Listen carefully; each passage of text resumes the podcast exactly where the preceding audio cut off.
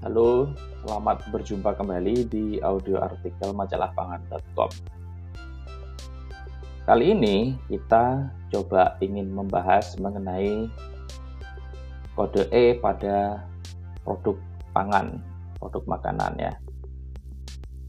Karena dalam beberapa tahun belakangan ini, kode E ini sering dianggap sebagai kandungan atau ingredient atau komposisi yang haram. Nah, apakah benar seperti itu?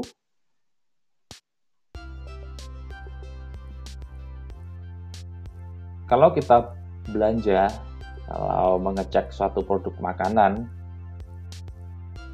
itu ada beberapa seperti misalkan uh, produk roti atau produk biskuit kemudian mungkin yogurt ya itu mengandung ingredient dengan kode E.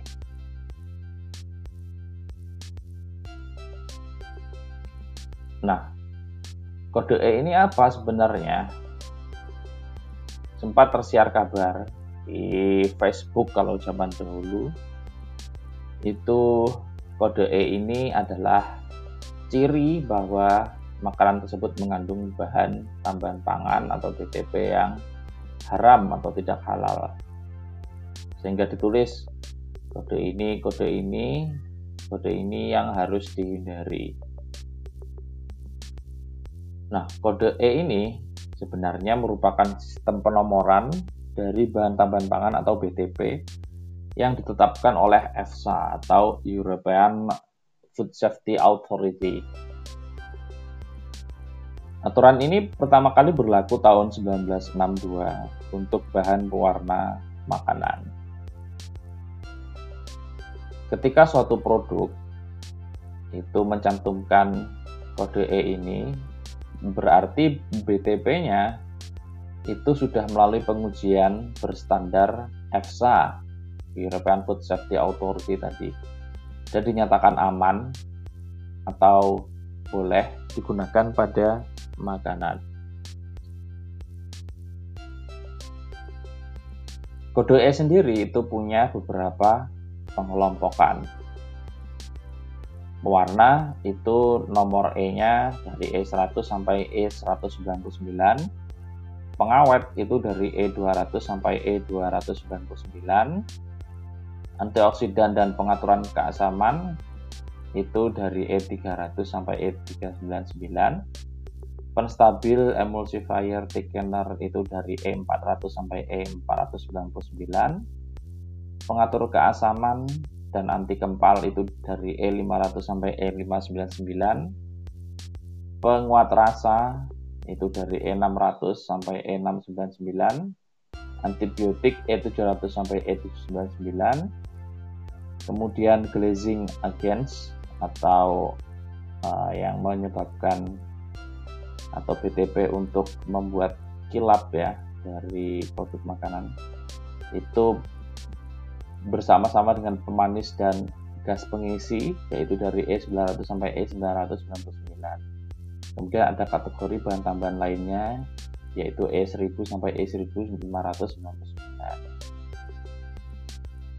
Nah, awalnya kode E ini dianggap mengandung babi sehingga dia haram yaitu kode E471 yang biasanya sering digunakan sebagai alibi ya. Nah, kalau kita telusuri kode E471 ini merupakan kode untuk emulsifier mono dan diglycerol sintetis. Emulsifier adalah bahan tambahan pangan yang digunakan untuk sebagai penyatu antara minyak dan air. Komponen yang larut minyak dan komponen yang larut air supaya dia bisa bersatu dalam satu campuran maka ditambahkanlah emulsifier ini. Nah kode M471 ini bisa berasal dari asam lemak tanaman maupun hewan. Sehingga memang benar kalau kode M471 ini harus berhati-hati sebagai seorang muslim karena bisa berasal dari hewan yang kemungkinan bisa diambil dari bahan yang non halal atau haram. Namun perlu digarisbawahi bahwa tidak semua kode E itu haram. Misalkan kode E322 itu adalah bahan penstabil lecitin. Lecitin sendiri itu berasal dari hidrolisis di sel tanaman seperti kedelai atau bisa juga berasal dari kuning telur. Sehingga sudah pasti bahannya ini tidak berasal dari bahan yang haram jadi dia bahannya halal. Nah sehingga kode E 322 itu dikategorikan halal berbeda dengan E471 yang masih ada kemungkinan dia haram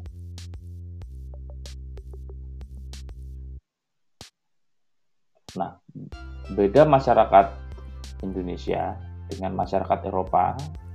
Kalau di Eropa ini, kode E itu justru dipermasalahkan karena adanya isu genetically modified atau modifikasi genetis. Jadi mereka lebih mereka kecenderungannya itu peduli bahwa ini GMO atau bukan. Kalau dia GMO, maka isunya di sana itu kurang baik. Ya, mereka lebih memilih bahan yang alami. Oke. Sekian audio artikel tentang kode E pada makanan. Sampai jumpa di audio artikel berikutnya.